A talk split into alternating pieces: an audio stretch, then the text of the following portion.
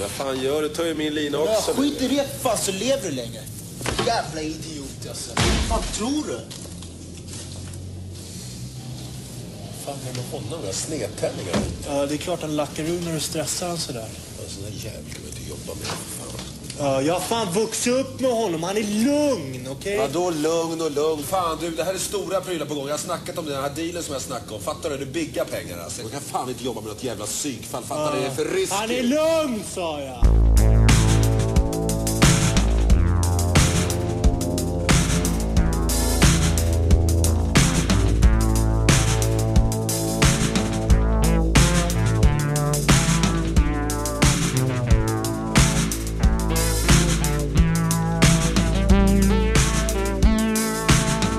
Hej och välkomna till Film och Sofie Podcast avsnitt 86 med mig Robin Möller. Och mig Jonas Hansen. Och med oss idag har vi manusförfattaren, regissören och producenten Daniel Fridell. Tjena. Hej. För de som inte riktigt har koll på vem du är och inte ens liksom så här bara ah, vem fan är manusförfattaren eller regissören är. Hur skulle du säga då? Hur skulle du presentera dig själv typ? Eh, jag brukar ju se mig själv som regissör mest. Eh, eh, det, det är väl det. Sen så allt det andra eh, gör jag väl lite mindre utav. Men ibland så, att skriva manus till exempel har jag mest gjort för att jag var tvungen att inte hitta några bra manusförfattare ofta. Ja, så, så du gillar kanske inte riktigt hela den här manusprocessen då kanske eller? Jo, jag, jag, jag har börjat gilla den på sistone faktiskt. I början så kände jag mig ganska sådär osäker och uh, uh, trevade mig väl fram. Sen har jag försökt att läsa och utbilda mig och sen känner man väl när man håller på med någonting väldigt mycket så ja, förhoppningsvis så blir man lite bättre i alla fall. Så det... Ja. Men gick du någon alltså, filmutbildning eller något sånt i gymnasiet? Nja, eller? Nej, alltså när vi gjorde sökande då så hade jag, jag och Liam gick ju på Kulturama ett par dagar. Ja. Men- Vad är men vi- Kulturama? Är en filmskola i Stockholm. Ja, okej. Och det är möjligt att vi var, var, var lite orealistiska. Men, men vår lärare, vi sa ju direkt att vi ska göra film väldigt snart, och långfilm. Och, och vi hade en lärare där som sa åt oss att det kunde absolut inte komma på fråga. Det skulle ta många år och man var tvungen att jobba som assistent och lära sig från grunden. Men vi, vi var för kanske för hetsiga. Nej, det tycker jag nog inte. Är inte det lite typiskt äldre också? Sånt bara nej, nej, man måste jobba sig upp, man måste göra det först, man måste göra det först, man måste stå i kö och bla bla bla. Är det inte lite så typ? Jo, det, det är nog lite typiskt de som kanske inte vågar ta... Det är, det är en risk. De som inte tagit den risken i alla fall. Och, Ja. och, och, och vi... Men Och var alltså, vi om, hur gamla är ni nu ungefär? 20 va, kanske 19, 20 Ja, okej. Jag visste inte heller att du och Liam hade gått på skola tillsammans. Ja, vi gick i, i, i Kulturama då. Men det var, Samma det var, klass. Ja, precis. En kurs där. Vi, vi, vi var filmfanatiker på den tiden. Jag är väl det fortfarande. Men vi tittade på film, flera långfilmer varje dag. Ville göra film, brann för det. Fast vi inte visste hur man gjorde egentligen. Vad var det för typ av filmer ni kollade på då? Mycket eh, eh, franska filmer. Luc Besson, Betty Blue, Stora Blå, Stora Blå och sådana. Mycket, mycket italienska filmer, amerikanska. eh, eh, Italienska allt. snackar vi då så här exploitation-filmer typ då lite så här Giallo och sånt eller vad var det mer typ? Det var väl lite så här Dario Argento. Ja. Mycket spanska filmer. Med dem var en klassiker. Kossor och, och, och Röda ekorren. Okej. Mycket Vet du vad Röda ekorren är? Vad sa du? Nej, Röda ekorren har jag aldrig talat om men... Det... Ja, fantastisk film. Men, och så mycket amerikanska och äh, actionfilmer. till- Allt blandat. Både högt och lågt sådär. Men det är ju lite så jag tror man liksom ändå på något sätt kan eh, bli en bättre filmskapare. Det gäller ju att anamma Anamma konsten typ och inte sitta så mycket bakom en skolbänk typ. Det är ju antingen det Ja. eller gå ut och filma känner jag. Ja, precis. Man måste, ju- måste ju... Teorin räcker ju bara en bit. Men om man inte kan få testa den och göra misstag då, då, då lär man sig nog inte göra film. Sen kanske Nej. vi började lite för tidigt. För, för det jag lärt mig mest... Sökarna blev ju som en filmskola kan man säga.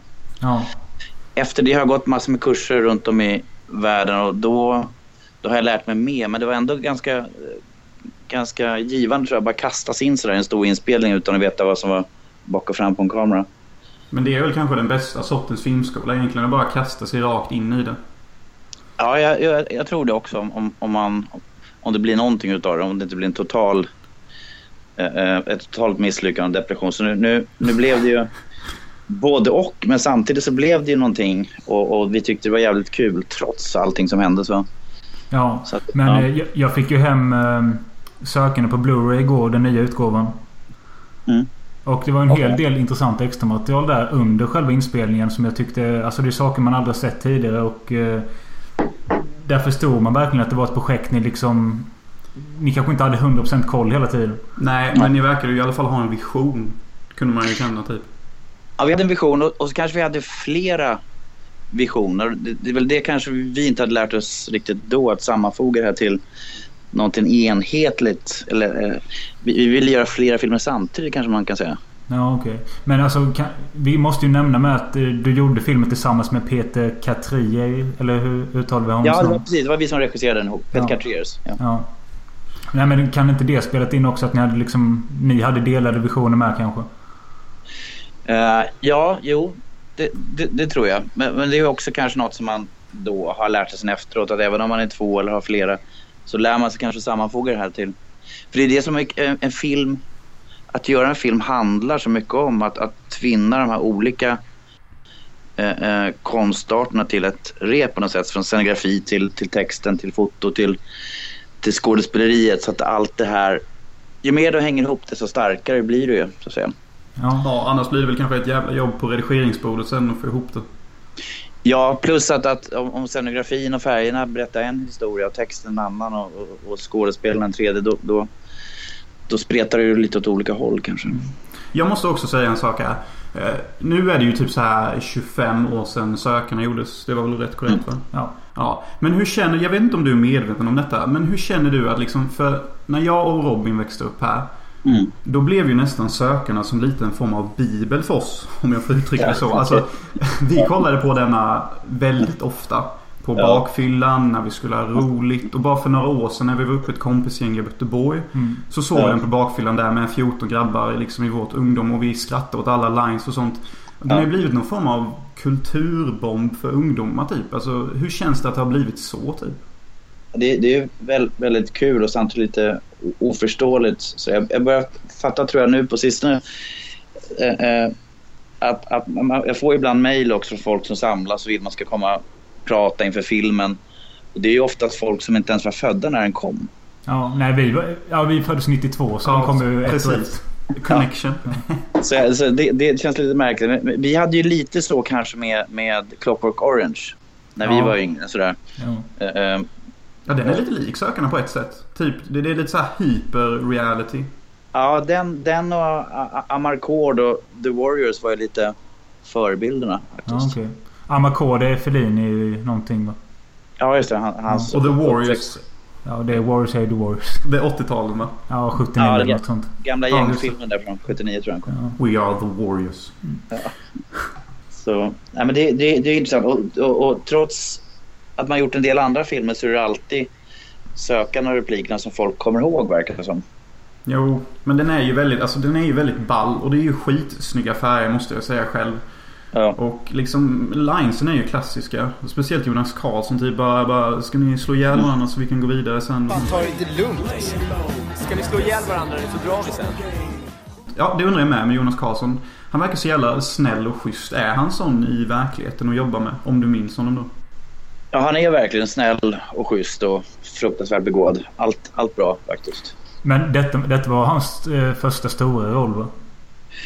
Eh, jag tror att han har gjort något annat innan. Men det, det, är möjligt att det var den första stora faktiskt. Ja. Eller den, den, den, största då dittills i hans karriär kanske.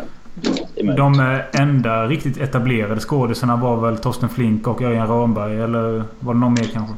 Eh, det, det, var väl de som, som var kända så, ja det var det absolut. Ja. Eh, Örjan Raberg, han rektorn? Ja det är studierektorn. Ja. Eller rektorn. Ja, precis. Men hur var Torsten att jobba med dem? Alltså han har ju en hel del rykten om sig att vara problematisk och missbruk och grejer. Men hur var han mot dig typ? Han var ju väldigt dedikerad, väldigt hängiven till filmen. Ja, okay. han, han, kunde komma ibland och sova över på kontoret bara för att han ville komma i tid för att han själv visste att det kanske inte... Han ställde upp väldigt mycket faktiskt. Ja, men han känns som en sån kille typ. Ja, jag tror att han brinner, och det, det ser man ju på hans teaterpjäser, han, han brinner ju för konsten och för det han verkligen gillar nog oerhört som få. Jo, det var, jag hörde nyligen en intervju med Örjan Ramberg. Mm. Där han berättade att inspelningarna ofta tog plats på en nedstängd skola eller något sånt. På natten eller att ni filmade på natten? Ja, just det. Vi hade någon skola i Farsta där vi filmade i alla fall Rambergs scener. Ah, okay. Uh, så det, det, var ju massor med olika locations klart. Men, men just han kommer jag ihåg var ute i Farsta där. Ja. Han var också, tyckte också det var kul tror jag. Och ja, med jo, men det, han, enligt intervjun verkar han tycka, se det som en positiv uh, inspel. Men det känns ja. som de flesta i produktionen typ ändå diggar den här approachen. Alltså, var det någon under filmen som typ var så här typ alltså vad fan är det för film ni gör? Alltså någon i teamet ni hade typ bara vad fan håller ni på med? Ni kan inte göra en sån här färgglad film och hoppas att det funkar. Var det någon som var sån typ? En, en, en del av de första fotografen tror jag tyckte väl att det var ifrågasatte väl lite att vi gjorde det som man inte brukar göra så att säga. Ja. Men, men, eh, men å andra sidan så var det lite nytt och, och vi var ju unga så man kanske ändå tyckte att ja, de, får, de får testa sig fram lite. Men att filmen är så färgglad och att det liksom är ölburkar med konstiga kryss på och... Mm. Mm. Är det något slags... Eh, ska det föreställa någon slags framtidsvision eller är det liksom bara något stilval eller vad? Det, det, det, kanske också var lite då, om man tittar på Clockwork Orange till exempel. Vi, vi, ville, vi tyckte väl att svensk film just då var inte så färgglad. Den kanske var lite grå och äh, äh, trist. Äh, vi föredrog kanske mer då fransk som sagt och italiensk eller spansk film. Ja, men jag skulle ju också säga att Sökarna, den kom ju och gjorde den här färgglada filmen. Men sen dess har det blivit grått igen. Ja, alltså, det, alltså vad, vad, vad är det med svensk film? Alltså, du som ändå varit med i branschen. Förstår du ja. kanske mer nu varför svensk filmindustri har svårt för färg i allmänhet och sånt? Ja, det, det, finns ju en väldigt tydlig ordning i Sverige att man ska förhålla sig till regler och liknande. Därför tror jag också, och det har jag drabbats av själv, därför tror jag också förresten att Sökarna blev kanske den här kultfilmen. För att jag, jag skrev den ju helt utan skygglappar, utan självcensur. Ja, det var mäktigt gjort. Det, sånt ska du inte lägga av med om jag får ge dig tips. Men sen så känner jag själv nu att det sitter någon på axeln på mig och säger till mig när, att så där kan man inte skriva. Men sökande skrev jag bara helt rakt av utan att tänka efter. Då, då varenda replik bara öste jag ur mig. Medan nu skulle man suttit och ändrat det där och ifrågasatt det kanske. Och det är väl det kanske som gjort att galenskapen, alltså de replikerna det, det, är kanske det som har gjort mycket att den har satt sig. Ja, det är ju såklart exakt det där. Du, du ska ja. gå tillbaka till det. Det tycker jag. men, men jag tänker också så här. Jag har ju sett mycket behind the scenes nu när du pratade om filmen eh, för mm. liksom, TV4 och SVT och sånt. Och mm. du pratar ju väldigt mycket om att det handlar om liksom, att inget barn är ont från första början och allt det där. Och jag undrar, är det någonting du liksom tror på? Eller pratar du så för att det förväntas av en filmskapare att man alltid måste ha ett budskap för att man ska kunna sälja in sin film i svensk filmindustri? Om du förstår vad jag säger. Ja, jag, jag trodde väl mer på det då, för det är ju ganska sådär svart och vitt att säga att ingen föds dit. Det, det är verkligheten är mycket mer komplicerat såklart. Ja. Men, men vi kom väl lite från från, eller vi hade ingen aning om vad man som filmskapare skulle säga. Däremot så, så var ju lite av katalysatorn till filmen att den, några som vi kände eh, gick bort. Och, ah, okay. och så, så det fanns ju lite så personliga känslor med eh, i spel. Så hade, hade, hade ingenting att göra egentligen med att vi tänkte att vi måste. Utan vi hade en, ja när du frågade oss vad som var anledningen, då var det ju den anledningen att varför hade just de här gått bort och inte vi eller andra. Du menar det... att de gick bort genom våld och droger och sånt då? Ja, och då började vi tänka efter vad det var och så försökte vi berätta. Ja, det är deras story lite som sökarna är då kan man säga. Ja. ja men då förstår jag lite att ni båda ser rätt så allvarsamma ut när ni pratar om detta. Ja, vi tänkte ingenting politiskt egentligen. Utan det var bara att, att just de scener och manuset var ju som hämtat från varenda scen i filmen. Och det insåg vi när vi tittade på den nu. Och jag vet inte om du sett, eh, läst de här eller lyssnat på, på när vi pratade om filmen. Kommentatorspåret menar du?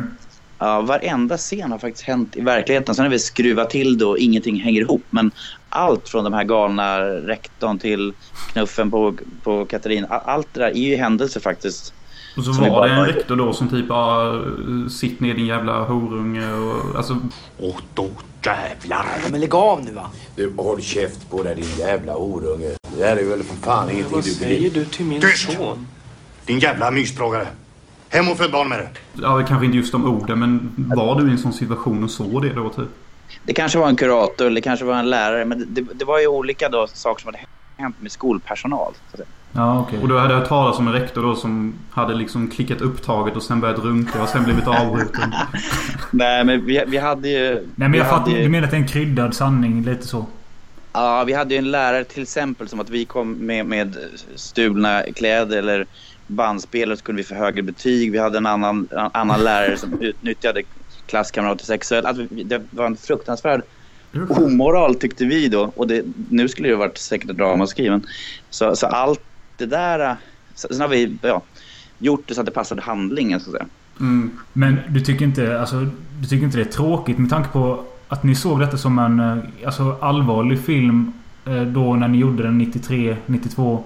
eh, Och att den nu mer har liksom citerats humoristiskt. Alltså det känns, känns det jobbigt eller tråkigt? Att den kanske inte har den allvar, allvarsamma stämpeln fortfarande? Nej, det, det, det är ju som det är och det var ju, det var ju vårt i sådana fall fel om man säger så att den inte blev så allvarligt. Och det, vi kanske inte heller ville bara göra en allvarlig film. Men, Nej. eh, eh, men det, så, det, det, det, går ju inte att göra någonting åt nu. Nej, saker blir ju lite vad de blir efter tiden typ. Ja. Eh, Och sen så är det egentligen bra typ. Alltså, vi såg ju massor med typ att DN gav den en etta, Expressen gav den en trea. Alltså, det är ändå lite kul att det blev en sån eh, mångsidig film som folk hade oändliga åsikter om typ. Då tycker jag att man nästan har lyckats som filmskapare på ett sätt. Att Ja, det, liksom- det är kul att, man inte, att de inte var likgiltiga i alla fall. Ja, precis. Ja, för att det är ju jättetråkigt när man ser en film och så läser om den så har alla i hela Sverige gett den en trea. Då vet man ju precis att det kommer Ja. bli typ en hyfsat god banan till film typ. Ja, nej, här, här, här, vi var hatade och, och älskade. Så det, det var rätt. Vi skapade reaktioner, det var ju meningen också. Ja. Men jag undrade också lite, eh, bara en liten snabb eh, spontan filosofisk fråga här. När du var barn, Mm. fantiserade du om att göra en film som Sökarna då exempelvis? Eller hade du ens filmtankar då som liten? Jag, jag, jag var åtta år när jag gjorde min första kortfilm. Och då hade jag den här Star Trek-dockan Klingon och började filma. Jag fick en Super 8-kamera med min farmor rätt tidigt. Hon, hon hon var visångerska och lite skådis och höll alltid på med att prata film. Så hon inspirerade mig mest faktiskt, min farmor. Okej. Och, och, och hon hade alltid en Super 8-kamera och sen så ja, fick jag den och så började jag testa lite. Sen höll jag inte på med det på, med flera år, men redan där, kom ihåg sen så hade jag såna gamla Super 8 kalanka filmer Jaha. Började klippa, klippa om dem och handlingar och ja. Så jag tror att jag började gilla det. Hur klippte man om filmer på den tiden? För jag menar, hur gammal var du då när du kunde göra sånt? Det var väl en 10 bass kanske, jag kommer inte ihåg. Men, men då hade man lite så här projektor, en Super 8-film och sen så spelade Dumbo, kommer jag ihåg, på, på någon cirkus och ja, någon kalank Så klippte man och klistrade så, så blev det annan ordning på händelsen. Lite. Ja, rätt kul faktiskt. Men, men sen så höll jag inte på med det på många år. Men, men just när jag var liten gjorde jag det. Sen så gjorde jag inte det förrän ja, under hela tonårstiden så tänkte jag inte alls på det. Det var andra saker som gällde. Sen när, när Sökarna kom ut på bio och sånt. Mm. Då råkade ni ut för det värsta en filmdistributör, skapare kan råka ut för. Och det är ju censur. Ja. Och det är ju domedagssoundtrack på censur när jag säger det kan vi säga. ja. För hur fan känns det egentligen, du som har råkat ut för det, när någon kommer in och bara klipper bort? Alltså känns det inte som de klipper bort nästan en del av sin själ typ? Alltså hur reagerar man? Hur hanterar man något sånt typ? Jo, ja, men det, blir, det blir som någon slags övergrepp. Och, och just den censuren, eller det som gjordes var så ogenomtänkt tyckte vi också. Just för att man klippte bort då från Tony eller Torsten Flinks karaktär de scener som vi i alla fall tyckte gjorde att hans karaktär inte blev så trevlig eller som, att den inte skulle bli ball eller att man skulle vilja ta efter den. Det var den här avsugningsscenen på toaletten eller? Din havande jävla kossa va? Den är väl bortklippt Ja. egentligen från Ja. första början? Jag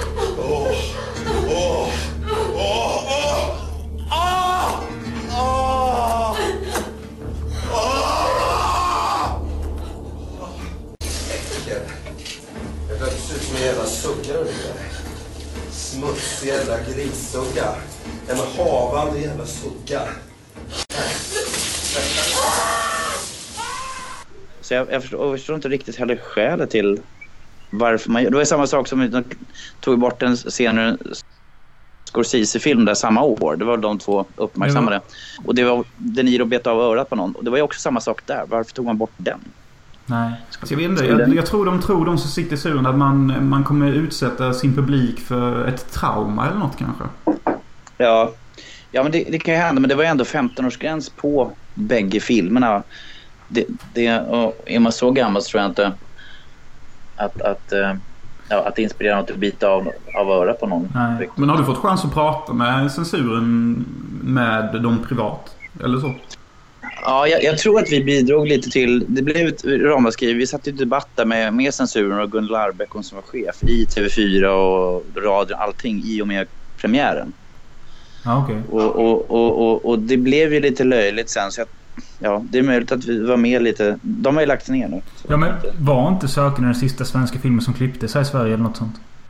Jo, jag, jag, tror det faktiskt att det var det. Men, men alltså, ja okej, okay, det kanske var den sista filmen som klipptes. Men känns det inte som censur lever kvar ändå? Bara det att det är off the radar om du förstår. Typ exempelvis om man säljer in en film så kanske det kommer en producent. Nej, nej. Den filmen får in, den scenen får inte spelas in. Det är ju ändå en form av censur typ. Bara det att den görs utanför... Ja, hänger ja. du med? Så finns den kvar tror du? Ja, jag, jag tror att den är värre nu på, på, på det sättet sättet faktiskt. Precis som jag nämnde också, man, man känner på sig och man vet att man inte kan skriva vissa saker. Så. Ja. Och, och det, det, är hämmande. Det, det... Ja, varför är det? Alltså jag, jag fattar inte det. Alltså, alltså... Vill inte jag, Sverige att man ska göra unik skit? Alltså jag, jag, jag begriper mig inte på det. Jag, jag, jag, kanske, jag fattar inte. Jag, jag, jag tycker att det beror mycket på okunnighet och på på folk som inte är begåvade som sitter på fel platser. De tar ju inte besluten då på vad de tror eller tycker är bra, tänker jag mig, utan kanske på vad de tror att andra ska tycka. Och då blir det plötsligt aldrig baserat på kvalitet eller på konstnärlighet, utan då blir det baserat på, på, på politik istället, eller på vad man tror är rätt i, i tiden. Och det är ju det värsta som finns för kultur. Så, ja, för, just nu är ju inget rätt i tid. Nej. Nej, och alla, det, det som är till exempel i Hollywood fast på ett annat sätt där, där producenter eller folk på de stora studierna är livrädda för att säga ja till någonting som inte blir bra för att de får sparken eller säga nej till någonting som blir en hit. Alltså, och det är oftast för att de i sig själva inte har kunskapen eller känslan eller talangen för att se det. Ja. Så, och här är det på samma sätt fast lite mer ja, politiskt då.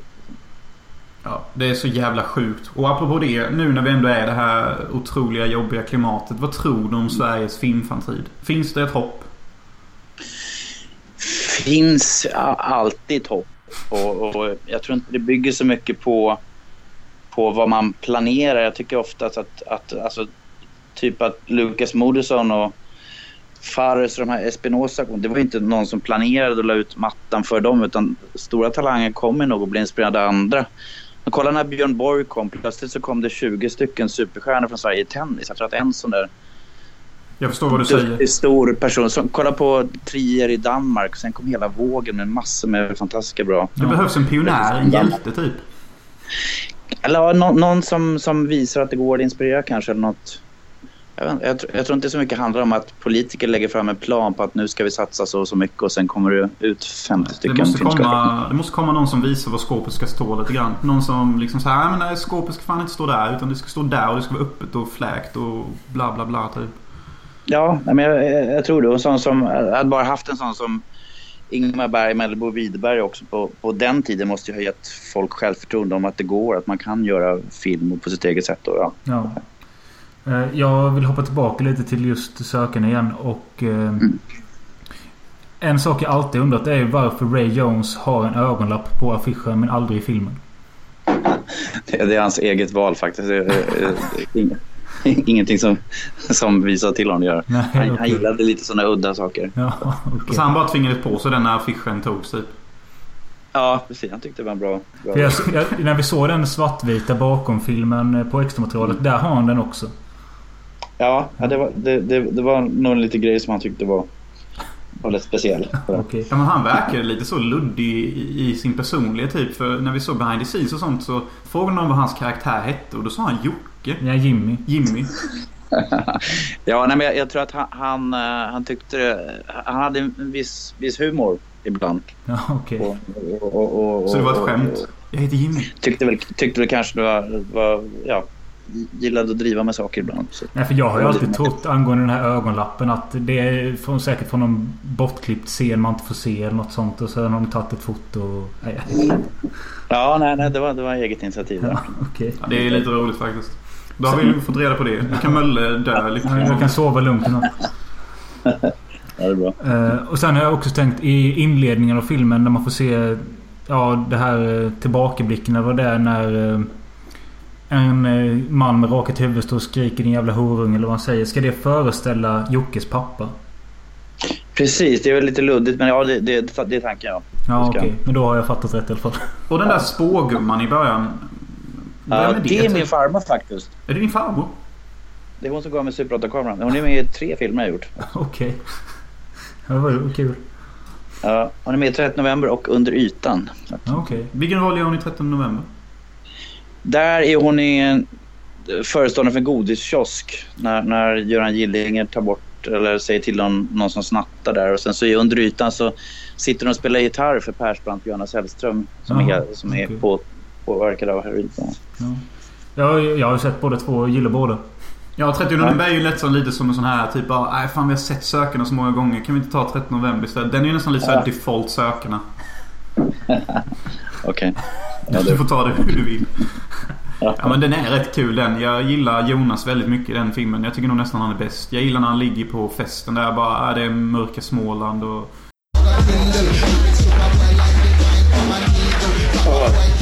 Tja. Ska du ha lite öl? Vadå? Det är fint där just. Mörka Småland. Nej. Hej! Här är du ju! Hur mår du? Ja, bra. Du, jag letade efter dig hela kvällen. Det är ditt för att jag fick sträckt på matteprovet. Liksom. Jag kunde tänka på cykeln när du satt där. Liksom. Det märks att du är djurvän va? Snacka med en apa. Jag vet inte ens vad det är. Här är ju naken. Jag trodde det var förbjudet med tidelag i Sverige, men det var visst fel. Det är en jävligt god stämning på festen här i början. Man får intrycket Ja. att har ändå varit på en del fester typ. Ja. Jonas är väldigt bra där faktiskt. Mm. Det skinhead. Jag kommer, många skinheads kom fram till mig efter den här filmen och älskade hans karaktär. Alltså, Hur känns det? Ja, det, det, då har man väl nått någon. Det var ju lite kul. Ja. Men eh, vad heter skådisen som du har återvänt där? Eh, Mange i Sökarna och Lasse i 30 november? Eller är det tvärtom? Eh, Skinheadbron i Sökarna och som också är med i 30 november. Eh, Percy. ja, precis. Ja, han är en jävla talang. Han borde faktiskt vara med mer. Han, han, han eh, är, är, är, faktiskt nu när jag tittade på sökaren igen så kände, kände jag varje gång han kom i bild. Han har en jävla närvaro. Ja, jag, jag tänkte säga det att jag gillar han som fan men man har inte sett i så mycket. Nej, nej han, han, en, en del skådespel som är väldigt bra ha- har ju inte... Det är inte, all, det är inte alltid lätt att, att, att hitta nya och, och det görs inte så mycket svensk film heller. Nej, det gör ju inte det. Men han, han borde verkligen vara med lite mer tycker jag. Det tycker jag. Liam, Liam gjorde en kortfilm med honom för ett par år sedan. Jaså? Som också var bra faktiskt. Jag tror inte den har sänts den har gått på festivaler. Okej. Apropå Liam, har du någon kontakt med Liam idag? Ja, vi, vi, vi pratar ganska ofta.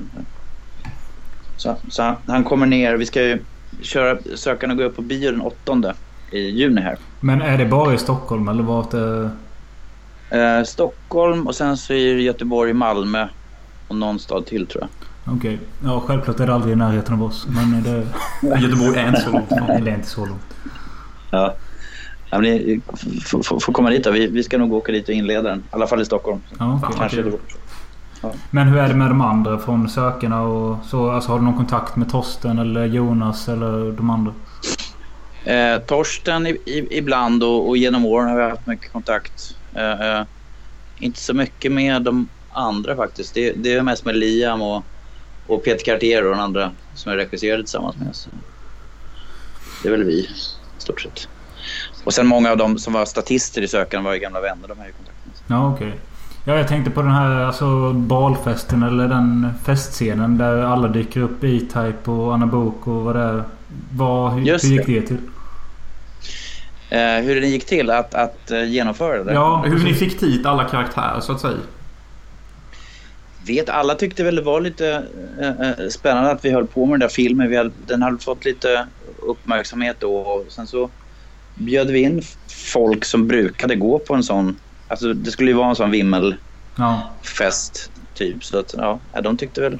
Var det Jag ni tyckte det var kul. som stod för designen? För jag tycker, ja, jag tycker nog om den scenen väldigt mycket nu när jag tänker på den. Jag gillar att alla är utklädda som en sån här extravagant version av 1700-talets överklass typ. Var det, Ja. Vems idé var det att det skulle vara sån stil på alla människor? Mycket utav scenografin och idéerna om kläder och allting var, var ju då Karuska, vår, vår scenograf, production designer. Och, och den kläderna togs fram i samarbete med Beckmans designskola. Så det var de som stod och tog fram alla kostymer. Och många av dem som var där var också som, som pluggade på Beckman så att säga. Okej. Kostymen i filmen är ju något av det bästa. Det tycker jag ju definitivt. Ja, den är klart intressant. Det är ju jävligt bra faktiskt. Kul. Vad är ditt tips typ? Säg om någon vill göra en liknande film som Sökarna. Alltså inte som Sökarna men, men typ som Sökarna. Alltså liksom så här, den är out there, den är unik. Alltså vad ska man tänka på när man säljer in en sån film? Ska man försöka manipulera? Ska man försöka lura? Ska man bara vara ärlig? Alltså hur ska man göra för att få nå ut? Det enda som jag tycker att man har lärt sig genom alla åren när man pitchat alla historier och, och, och film och vad den är så, så tror jag att folk ser om man brinner för det på riktigt så att säga.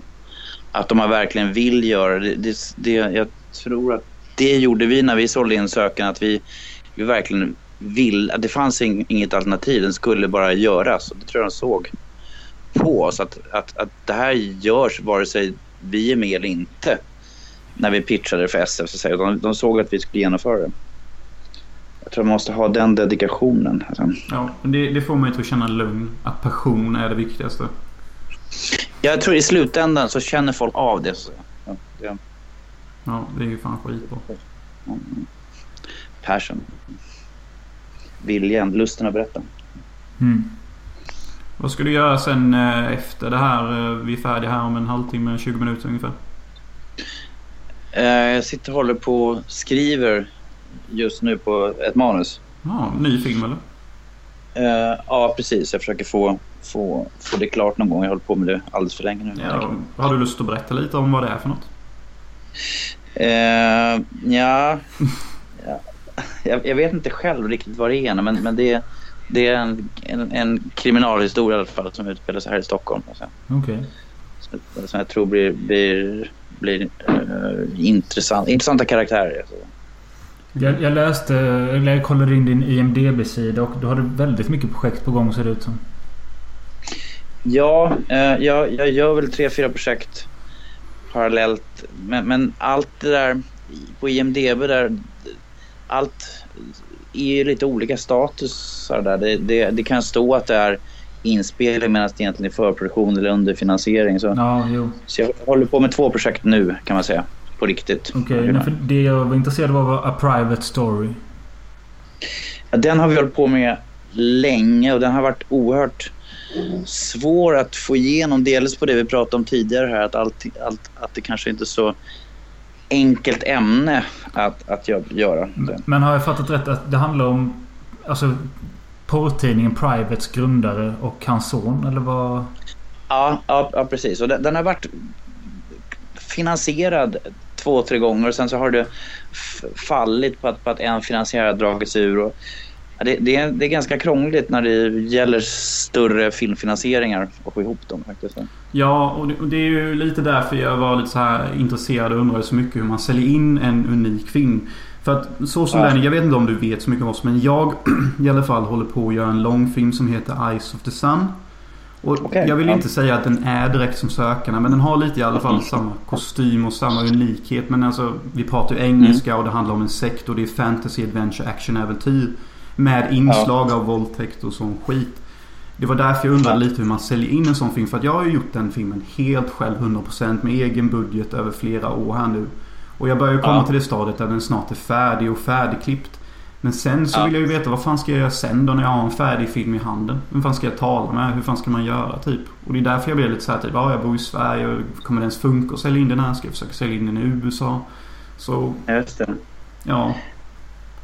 Ja, vad, vad, vad som är... Alltså, det, det är såklart väldigt olika om man har en svensk film. Och när, jag- när, jag, när jag berättar det här om... När jag sa det vad jag tror till passionen som, som övertygar. I, i, det är väl kanske man pitchar till, till, till en tv-kanal eller till ett institut eller till någon. Men, men sen om du ska sälja till ett säljbolag till exempel, en internationell distributör. Mm. Då har det ju väldigt mycket att göra vad de tycker är kvalitet. En del är ju bara intresserade av att, att det ja, som du vet, någon känd skådespelare eller high concept eller vilken genre det är till exempel. Ja.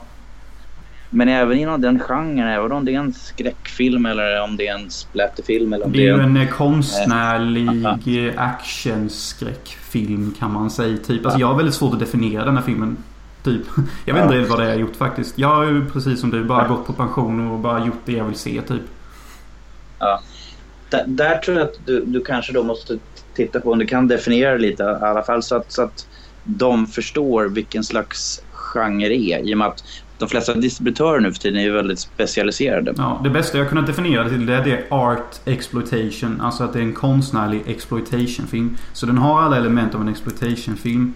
Men den är filmad på ett sånt här pretentiöst sätt typ. Så det är liksom en mix av två grejer som oftast alltid står i kontrast till varandra. Fast denna gången är det att de är mixade typ. Men det, det, finns ju, det finns ju ett gäng sådana distributörer som till exempel de här gamla, alltså Roger Corman-filmerna Ja, precis. till exempel. Som då kanske inte ansågs som det men som nu anses som både eh, exploitation och, och eh, konstnärliga. Ja. Ja. Eh, mycket tack vare sådana som Tar- Tarantino och andra som har lyft upp det på något sätt och byggt sina filmer på deras Ja, precis. på den basen så att säga. Ja, den planen jag har är att jag ska ju till USA och vara där ett år om några månader. Så jag Ja. tänkte ta med mig filmen dit och bara säga till alla vad fan det är jag gjort och hoppas på det bästa typ. Ja, men då ska du ju gå på American Film Market. Det är exakt där du kan visa den film. Där, där finns alla distributörer från hela världen och framförallt om du har en sån film, en sån genre så, så är det, det, är där du kan få napp tror jag. Vad sa du? American Film Arc? Eh, American Film Market bör, är från den typ 2 till 11 november i Los Angeles och det är den största filmmarknaden i världen och där, där är alla de distributörerna som, som sysslar med det som du, du säger. Fan vad gött för att jag ska ju till Los Angeles exakt faktiskt. Ja, men det, det, det, då kan jag inte missa det. Det, det är perfekt. Underbart. Jag kan, jag kan mejla dig några länkar och tips om du vill.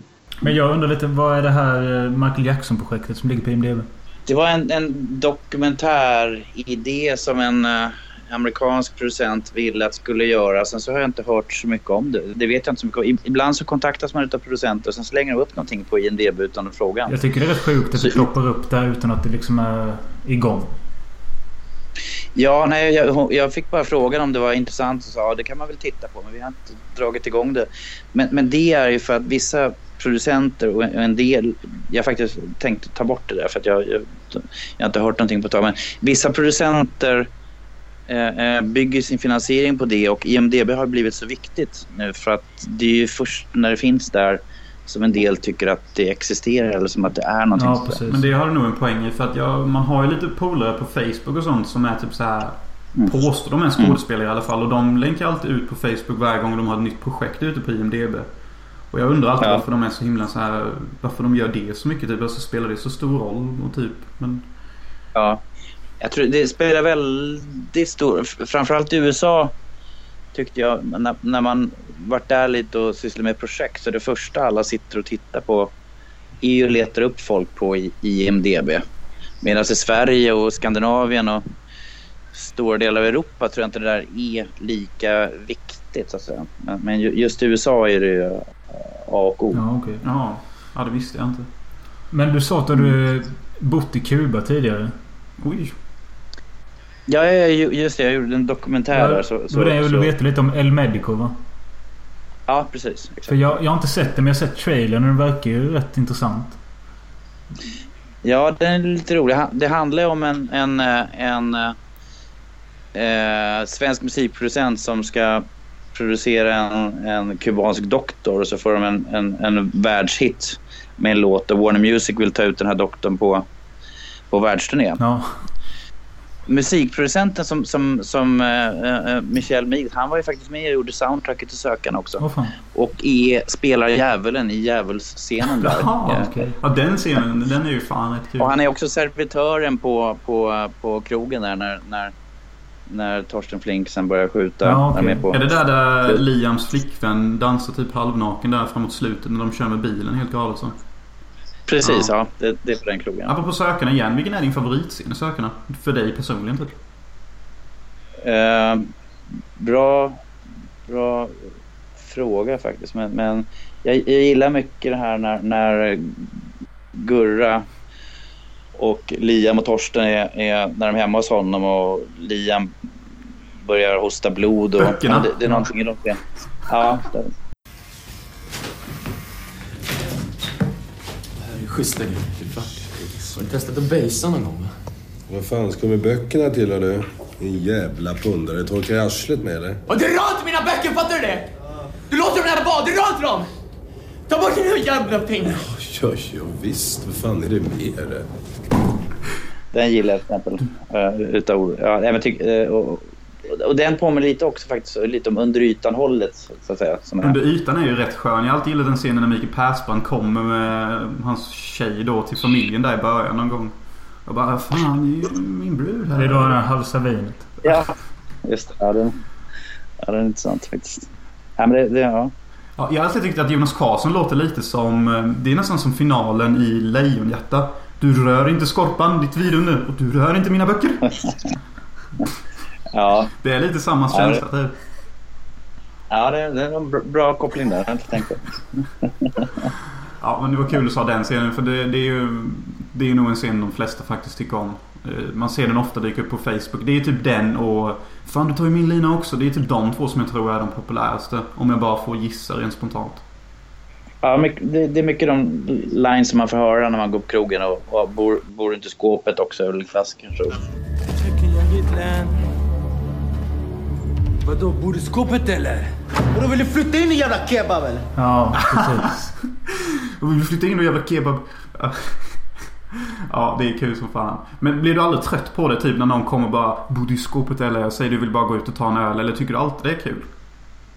Det, det, det beror ju på tillfälle, så säga, men, men det är ju det är lite roligt att folk kommer ihåg det så många, så många år efteråt. Lite, lite märkligt också kan man tänka sig.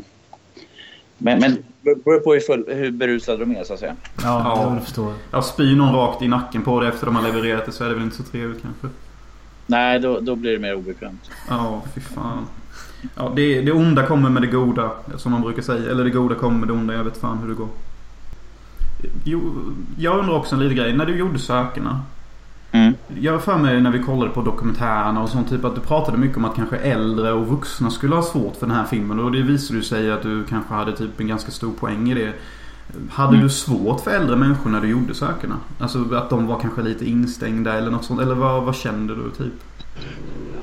Om man tittar på mycket av de vuxna karaktärerna i filmen Mm. eh, eh, så, så har vi kanske utmålat dem eller överdrivit det just för att vi hade svårt för auktoriteter och tyckte väl kanske att vuxna eller framförallt de som bestämde inte brydde sig så mycket.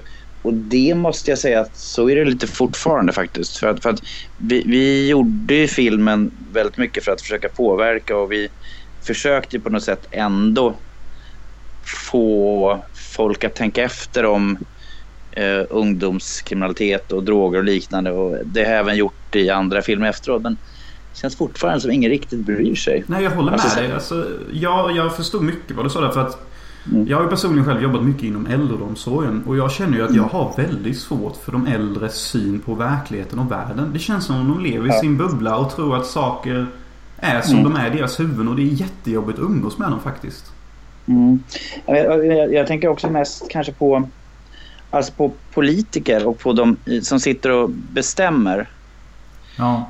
Tycker jag alltid att, att det kommer ju upp var, var tredje år eller var sjätte år eller vart femte år. Och, och fruktansvärt med, med eh, man, man bränner bilar eller ungdomar tar droger eller, eller kriminalitet och hur ska vi göra? Men alla svaren har ju funnits i, i, i många, många år. Det är ingenting som nytt. Det är bara att man inte har riktigt Hanterat orkat bry sig helt enkelt. Ja. Och vad menar du med svaren typ? Nej, men va- varför börjar till exempel någon ta droger? Varför? Hur uppkommer kriminalitet, segregation etc. etc. Det, det är ju inte så att det uppfanns igår utan redan då. Vi åkte till exempel på en turné efter sökande med forskare och pratade om det här dittan och dattan och sen så tycker jag tio år efter det så var det några andra som åkte samma turné och sen tio år efter det. Och, men i grund och botten så är det inte så stor skillnad på då och nu. Men ändå har inte folk lärt sig eller gjort de här enkla sakerna som man kanske hade undvikit mycket.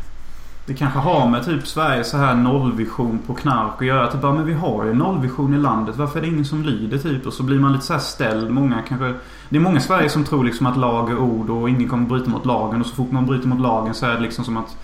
Hur går det ens ihop? Hur kan man bryta mot lagen? Alltså lagen är ju helig typ. Alltså lagen är ju Sveriges bibel typ. Det kanske är därför typ. Ja, men jag, jag, tror, jag tror att det, det är för få som har makt som egentligen bryr sig.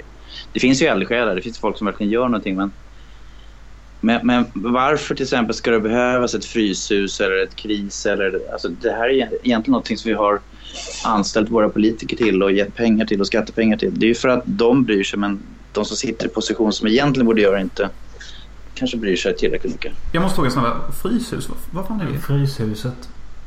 Jag tänker bara... Fryshuset.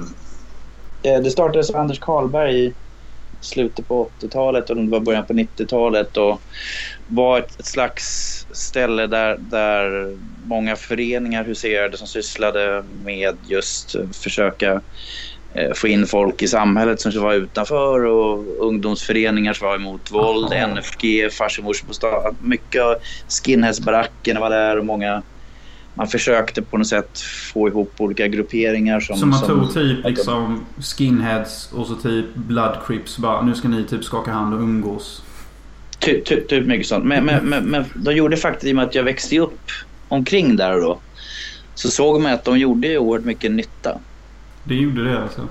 Ja. Men Fryshuset idag, där, är det inte där de har ett skategymnasium och lite sånt?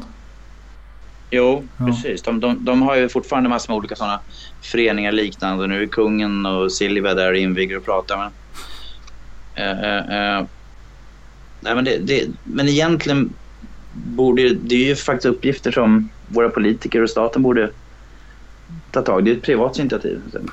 Tror du det kommer bli bättre i Sverige rent segregationsmässigt och kriminalitetsmässigt? Eller kommer det liksom vara same same? Eller vad, vad tror du om Sveriges framtid där? Vet inte. Alltså det där är väldigt svårt att säga. Och det är väldigt svårt att säga vad som skulle ändra på det. Eller vad, för slags krafter som skulle kunna göra det bättre eller sämre. Det är, det är svårt att säga tror jag. Helt enkelt om framtiden. Ja, jag har ingen aning. Det sjuka är bara att när jag, när jag hörde folk prata om fryshus och sånt. Det jag fick upp i mitt huvud var att ja, det är ett ställe där man hänger upp döda kroppar. Ja. Fattar jag att det är ju inte alls så. Nej, nej, det, Men det finns säkert ett sånt fryshus med. Ja, ja. Finns det nog. Jag tycker det behövs en ny uh, ungdomsfilm. Ja, det är bra sagt Robin. Det tycker jag också. Mm, ja, men eran kommer väl snart då?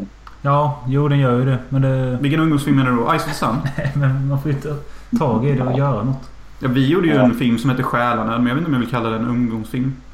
Själarna? Ja, Själarna. Nej, stjäla. Själarna? Ja, okej, okej. Ja, det var lite intressant. Det är jag som skådespelar typ en kille som bara knarkar i mitt hus och spyr och försöker komma i kontakt med min syster typ. Och den är också All så right. här typ, um, ja många spyor, mycket knark, mycket alkohol. Med ungdomsfilm menar vi typ med så här lite coola gäng. Alltså... mm, man- Ja, det har väl bli, blivit lite det faktiskt. Men det kanske inte borde vara det egentligen. Alltså, Nej, men, det, alltså, det jag tänker på det är att liksom... Alltså på 90-talet så kom ju dina filmer Sökande 30 november och sen så har det ju funnits... eh, Ja, Hat i Göteborg kom och... Hatar Göteborg är väl den senaste bra ungdomsfilmen. Skulle jag Mm. säga. Nej, faktiskt inte sett dem. Har du inte sett den? Nej, men sen, I samma veva kom ju Hipp Hipp Hora och allt det här. Men, men nu var det länge. Mm. Ja, fucking Åmål får vi inte glömma heller. Men, Den kom ju 98. Mm. Det är ju skitlänge Mm. typ. Det var länge sedan det kom något... Okej, i och för sig nu görs det ju i tv-serieform istället. Kanske i form av skam och sånt. Men det är inte riktigt... Jag tycker ändå det är för polerat. Jag, Ja, jag förstår vad du är inne på. Mm. Ja, det finns väl det här lite... Man, man får inte göra allt nu för tiden. Men Skam har ju varit väldigt ändå banbrytande lite i sina ämnen, va? tematiken. Jag gillar hur djup den kan bli och allvarsam. Typ så här bara, jo, jag blev faktiskt våldtagen. Och så vågar de ha en fem minuter scen där de pratar om det på ett vuxet sätt trots att de typ är barn. Mm. Det tycker jag är väldigt beundransvärt. Men jag måste också påpeka, om du inte har sett Hat i Göteborg så är det en film du borde se. Då kanske lite av dina så här skrivsvårigheter kan lossna. För den är ju väldigt fri i sitt språk. Bra På tanke. ett jävligt bra sätt. Aha.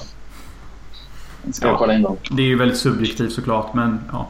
Men den senaste filmen du själv gjorde som ägnade sig åt ungdomar. Det var väl Säg att du älskar mig va? Ja, det, det, det, det var det. Dock har jag väl aldrig tänkt så riktigt att man ska göra en ungdomsfilm. Men, men man hamnar ju ibland i den genren. Eller har väl gjort det så att säga. Men det, det var väl det. Sen gjorde jag med, ja, det var den senaste. Säg att du älskar mig är ju, är ju lite så här kul. Det är ju mycket flipflops telefon och sånt. Och... Hur kom det sig att du gjorde den filmen förresten? Saker och idéer till filmer sådär kommer väl från, från händelser eller karaktärer. Men lite var det inspirerat av en tjej som var statist när vi gjorde en tv-serie En klass för sig. Ja, okej.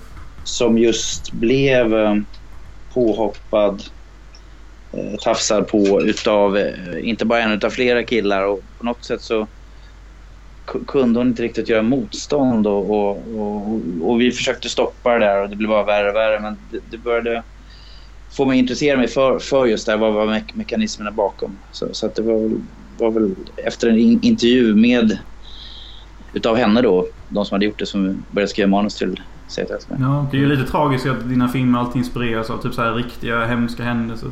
Typ. Ja, in, inte allt, men just ja, de flesta har gjort det faktiskt. Även Dubbel-8. Eh, ja, den var inspirerad av en eh, författaren som skrev boken Dubbelåtta, Gunder Andersson. Ja, Det var okej. hans viktiga känsla. Nej, för jag tänkte... Så gammal är du inte att du växte upp då? Nej, utan det var, det var en annan person. Så Det är han där- den unge i den där pittoreska byn under 40-talet. Va? Ja. Ja, jag har rätt. Fan, den såg Ja. jag som barn. Jag tyckte den var rätt kul. Jag har alltid tyckt om den scenen när de ska uh, iscensätta att de slåss in i ladan och så kör de traktorn in i den stora... Ja, just det. Det har jag alltid tyckt var lite så här fiffigt typ. Ja, en väldigt rolig göra faktiskt. Ja, det var det säkert. Var ni på plats på en sån riktig by som liksom inte har hängt med i tiden typ? Ja, det, det var skönt. Vi tillbringade en hel sommar där. Och, och, upp, uppe i Dalarna faktiskt. Det var en härlig inspelning. Hon huvudrollskvinnan. Vad gör hon nu och vad är hon nu? Hon eh, bodde i New York ett tag och la väl av, slutade skådespela tror jag ett tag. Men hon, hon bor i Stockholm nu. Jag vet inte exakt vad hon gör faktiskt. Vänta, Jenny Ulving menar du? Ja, precis. Ja, ja. Nej, jag, jag, jag har inte pratat med henne på ett tag. Men jag, alltså jag kom bara på en fråga här nu i farten. Men under inspel... Det blir väldigt hoppigt det här men... Det får du tåla. Du jobbade ju med Johanna Sällström i Under ytan. Mm. Hur, var, hur var hon att arbeta med? Hon har ju gått bort för de som inte vet det men... eh, Nej. Eh, hon, hon var ju den bästa skådespelaren jag någonsin jobbat med tror jag. Hon, var helt unikt bra. De bästa skådespelarna tycker jag det är sådana som man kan ge en instruktion och, och, och försöka komma på någonting bra. Eller ge dem råd och tips. Men sen så gör de någonting som är tio gånger bättre som man inte fattar hur de kom på. Men hon var så äkta på det sättet. Ja, och det är ju en ganska mörk roll hon har med. Ja, ja hon var enastående faktiskt. Ja, under ytan är fan rätt tung. Hur var Persbrandt då? Han han var också väl, väldigt hängiven. Och ofta tror jag folk påverkas av att också andra är, är hängivna och verkligen brinner för det. Ja. Så vi- jag tycker vi hade väldigt bra feeling allihopa. Var Väldigt bra sammanhållning. Och alla ställde upp för varandra väldigt mycket. Du har aldrig funderat på att göra en uppföljare till någon av dina filmer? Jag vet ju att Sökarna 2 kom. Men vad du, stod du bakom den? Det var, det var Liam som ville göra någonting där så, så han påbörjade det och sen försökte väl hjälpt, var jag med lite på slutet sådär. Men det var, egentligen, det var väl egentligen hans projekt det där kan man säga. Men alltså jag hörde ju i flera år att Sökarna 2 Rebels låg i produktion. Men är det den som är Sökarna 2 återkomsten? Jag, jag, jag tror att ja, det, det blev väl eh, var väl mycket fram och tillbaka och omskrivningar där och omklippningar så att eh, eh, det, det, var väl den men den både jag och Liam tycker väl inte att det är en riktig var riktigt en uppföljare sådär men, men mm, okay. ibland så kommer andra intressen in som distributörer som vill att, att ja, det är enklare att sälja så, så här. Ja, för jag har alltid undrat varför Sökarna 2 då har sån annorlunda look jämfört med första Sökarna. Liksom, mm. Sökarna 2 är ju typ grå och Sökarna 1 är ju typ ett kaleidoskop. Ja, ja det, det, det var väl olika tankar och olika uppkomst till filmerna helt enkelt. Mm. Ja, en sista grej om Sökarna i sig. Och det, jag undrar hur var inspelningen alltså bakom kameran efter inspelningen? Fästades det eller vad, vad gjorde ni liksom mellan tagningen? Alltså under inspelning så, så, så tycker jag att man jobbar nästan ihjäl sig. Alltså det, det är aldrig nästan... Man är så pass trött och sliten så att skulle man fästa det så skulle man nog inte kunna komma till, till nästa inspelningsdag. Så vi, vi jobbade dygnet runt. Sen kanske vi hade längre inspelningspauser.